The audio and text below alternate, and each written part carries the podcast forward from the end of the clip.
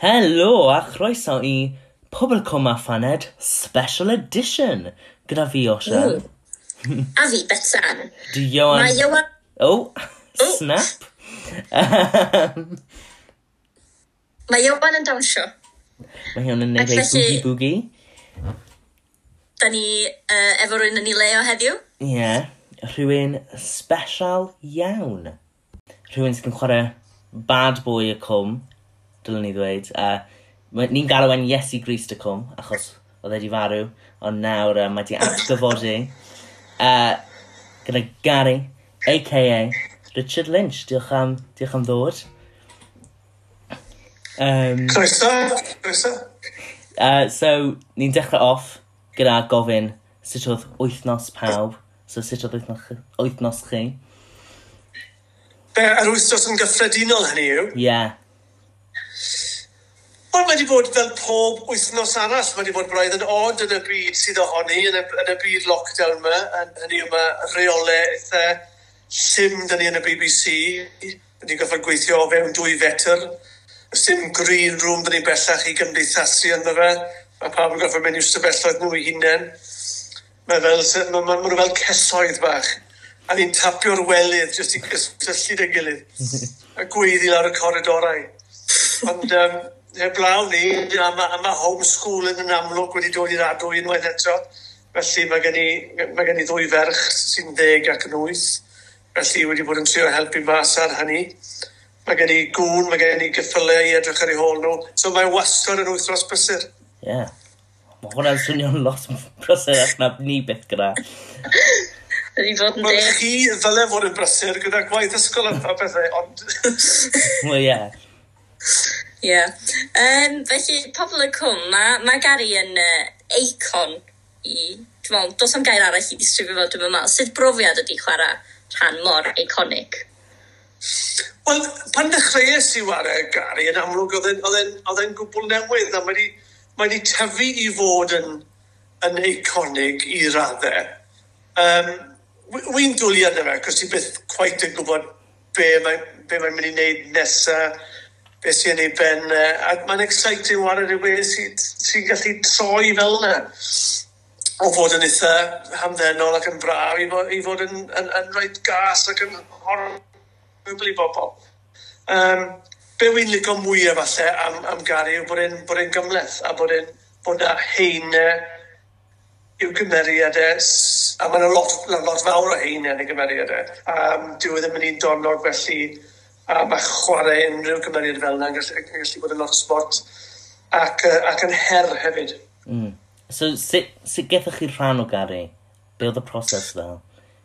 Wel, fi sy'n gweithio gyda um, y priws ar y pryd, um, Betsan, Betsan Jones. Um, so, o'n i'n nabod hi anyway, a wedyn ges i, ges i gynnig cyfweliad gyda Betsan, er i bod hi'n eitha cyfarwydd yng ngwaith i um, ond o'n nhw'n trio creu teulu newydd. Um, a beth sy'n bwysig pan ti'n creu...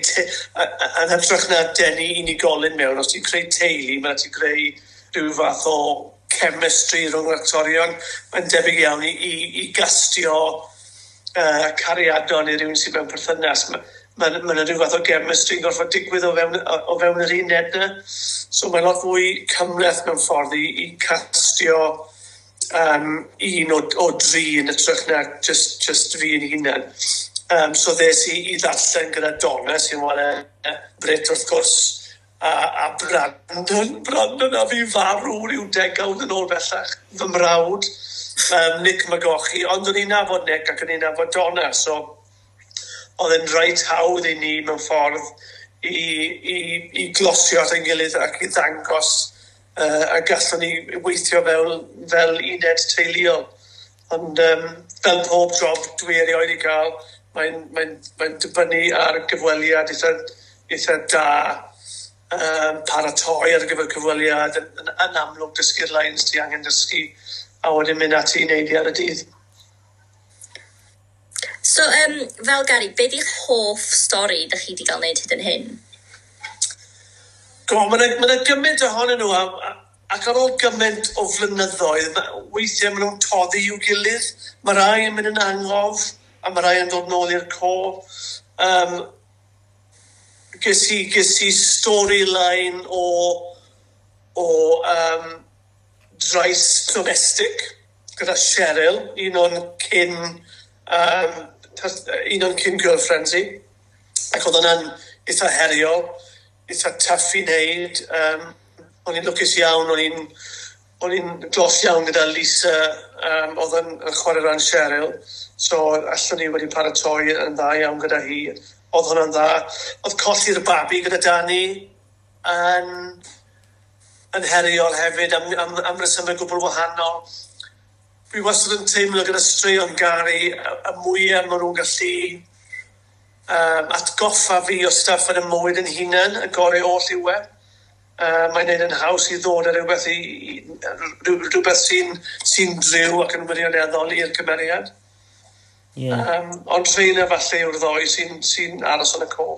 Ie, yeah. fi'n teimlo fel bod um, storylines Gary yn eitha, eitha iconic a maen nhw'n eitha fawr yn y com. Yn enwedig blwyddyn yma, achos ni wedi cael Gary a Jacqueline. Um, Fi eisiau gwybod am y storyline yna. Oedd hwnna fod digwydd cyn y lockdown? Neu nath, e- oedd e'n rhywbeth na ddod o...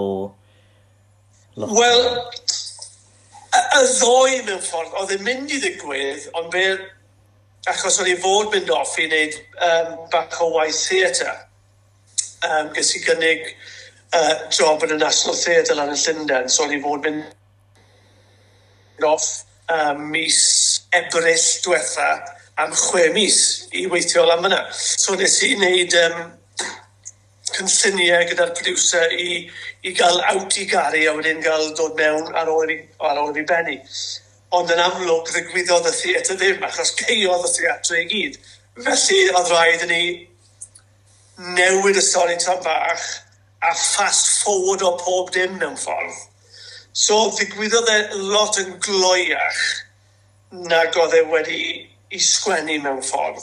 So oedd rhaid nhw cywasgu y stori yn mwyn neud e i ddigwydd yn y lockdown i hunan. Um, so mewn ffordd oedd e ddigwyddodd e fel oedd e wedi sgwennu ond bach yn bach yn gynt. Oh. A wedyn newid, mae ma, ma newidiadau o ran bod, um, stuff yn lockdown a wneud hwnna mewn, mewn ffordd y rheswm pam wnaethon nhw at ei gilydd achos cyfanderau'r lockdown a syniad na o ryddid um, i, i alluog i fynd i wneud rhywbeth um, falle ddylen, nhw ddim wedi wneud. Ie. Yeah. Yeah, un o'r pethau um, yn amlwg nath dod o hynna o marwolaeth Gary. Oeddech chi'n gwybod bod chi'n dod nôl? Neu Wel, o'n, o'n. Mae'n rhaid i gyfadde, o'n i yn gwybod bod fi'n dod nôl, cos dyna yn wreiddiol oedd y syniad. O'n i, on i fod mynd off i wneud y gwaith theatr, o'n i wedi paratoi, a, a wedyn dod nôl ar ôl i, ar ôl i hynny benni. So, oedd rhyw syniad, o'n i bai bod y producer wedi nefnu i meddwl a sgwennu fi mas, ond um, yn, yn ddigon fforddus i fi, nath yna ddim digwydd. So, o'n i, on i yn gwybod, ond weithiau beth i ddim yn gwybod i beth yw'r timescale yn mynd i fod. Um, o'n i ddim yn coet yn siŵr pryd o'n i'n mynd i ddod nôl a, a sut byddwn i'n dod nôl. Fi'n credu falle nath hwnna newid yn bach. Um, ni'n cael rhyw fath o syniad o beth yw'r storyline yn mynd i fod am, uh, am y deud, y deu fus, tri mis um, yn y dyfodol, am unrhyw beth pellach na hynny, mae bach yn ansicr. Mm.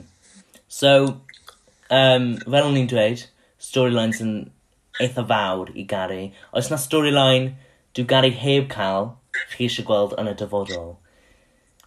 Wel, fi'n fi, fi isilycal comedy, ti'n ma. Fi'n Lygen i gael storylines Colin am, am ryw gyfnod falle.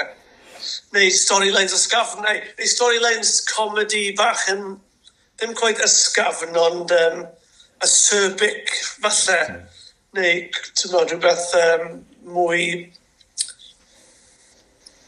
mwy kind of slightly outlandish comedy falle. Mm. Ond gawn ni weld. Um, yn amlwg, mae ma, ma, ma, ma rhaid i fi ddial am, am trio llafu, so um, mae Dylan yn mynd i gael rhyw fath o um, payback time ar ryw adeg. Wy ddim yn coed yn siŵr pam, uh, sorry, wy ddim yn gwybod sy'n pryd, uh, wy ddim yn siŵr ble, ond fi'n fi, credu mi wneud i ddigwydd rhywsyd. Mae gyda i, cyn i ni symud ymlaen i ofyn wrthoch chi am baneidia, oherwydd yn amlwg pobl cwm a thaned, um, mae Gary yn hoff o'i ddanteithion, yn dydi? Efo'i ad lollipops yn ôl. Dwi wedi sylwi'n diwethaf. Ie, yeah, ddechreuais i gyda lollipops. Um, a mae, mae gen i deimlad bod y lollipops yn mynd i ddod nôl rhywbryd. Fi moyn iddyn nhw ddod nôl. So, um, na, ti'n iawn, ti'n lle gyda le fyna oedd 'na fynt wsos dwytha a dwi'n meddwl mam di spotio rhywbeth hefyd. Mhm. So ydyn nhw'n gwneud comeback i Gary? Wel, beth, beth o'n i'n wastad yn teimlo ar y Lollipop, unrhyw beth fel yna neu, neu bwyta rhywbeth kind of normal. Os, os ti'n neud hynny mewn golygfa, a neu wedi golygfa sy'n eitha um, hefi o ran emosiwn neu beth bynnag, mae'n rhoi mae'n rhoi, rhywsyd i fi, mae'n rhoi cyd-destun iddo fe, mae'n iddo fe edrych yn, yn gwbl naturiol rhywsyd. Bod pobl yn neud y math yna o bethau pan maen nhw'n... A hefyd mae'n rhoi cyfle i'r actor i, i, i ganolbwyntio rhywbeth arall. A weithiau wrth wneud hynny, ti ddim yn... Ti ddim yn orbwysleisio yr emosiwn. Achos ti'n ti, ti, ti, ti, ti meddwl am rhywbeth gwbl wahanol a wedyn mae fe, mae fe jyst yn dod mas yn eitha naturiol yn ytrach, yn ytrach bod ti'n meddwl gormod amdano fe. Mm.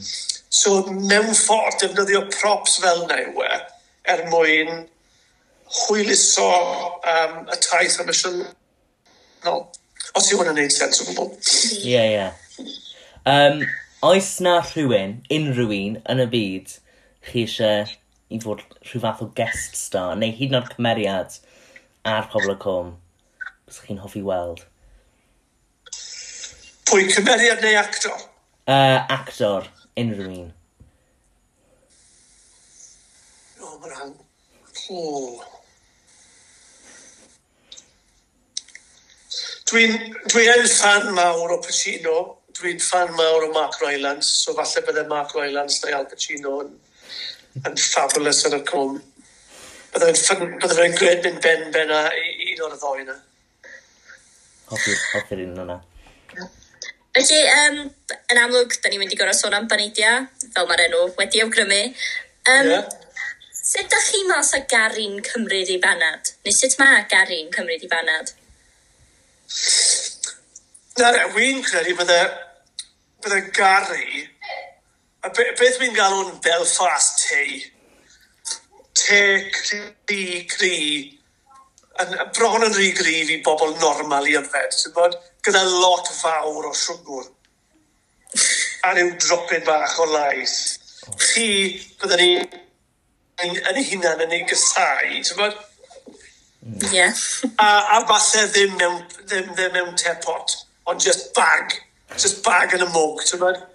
A wedyn stwffio fe mewn gyda'r llwy. Mm. A wedyn taro'r tŷ bag rhyw ganwaith o a wedyn dod efe mas, so bydde fe'n bydde fe'n felyn ac yn oren. Ie. Dyna, dyna, dyna teg ar ei manc. Mae hwnna'n, fi'n teimlo fel, mae hwnna'n dangos cymeriad Gary Manc i unrhyw un sy'n heb gweld e. Os chi jyst yn disgrifio te, bys chi fel fi'n gwybod pa fath o gymeriad yw e. Ie, yeah, a sut mae'n neud y te. A sut yeah. mae'n neud y te yn bwysig. Mm. Wel, diolch yn fawr. Mae hwn wedi bod yn gret. Diolch am ateb ein cwestiynau. Fi'n gwybod lot mwy. Croeso, croeso mae wedi bod yn bleser. Fawr. A um, diolch i bawb gatref sydd yn gwrando. Nen ni weld chi wythnos nesaf. Hwyl fawr. Diolch yn fawr iawn i chi.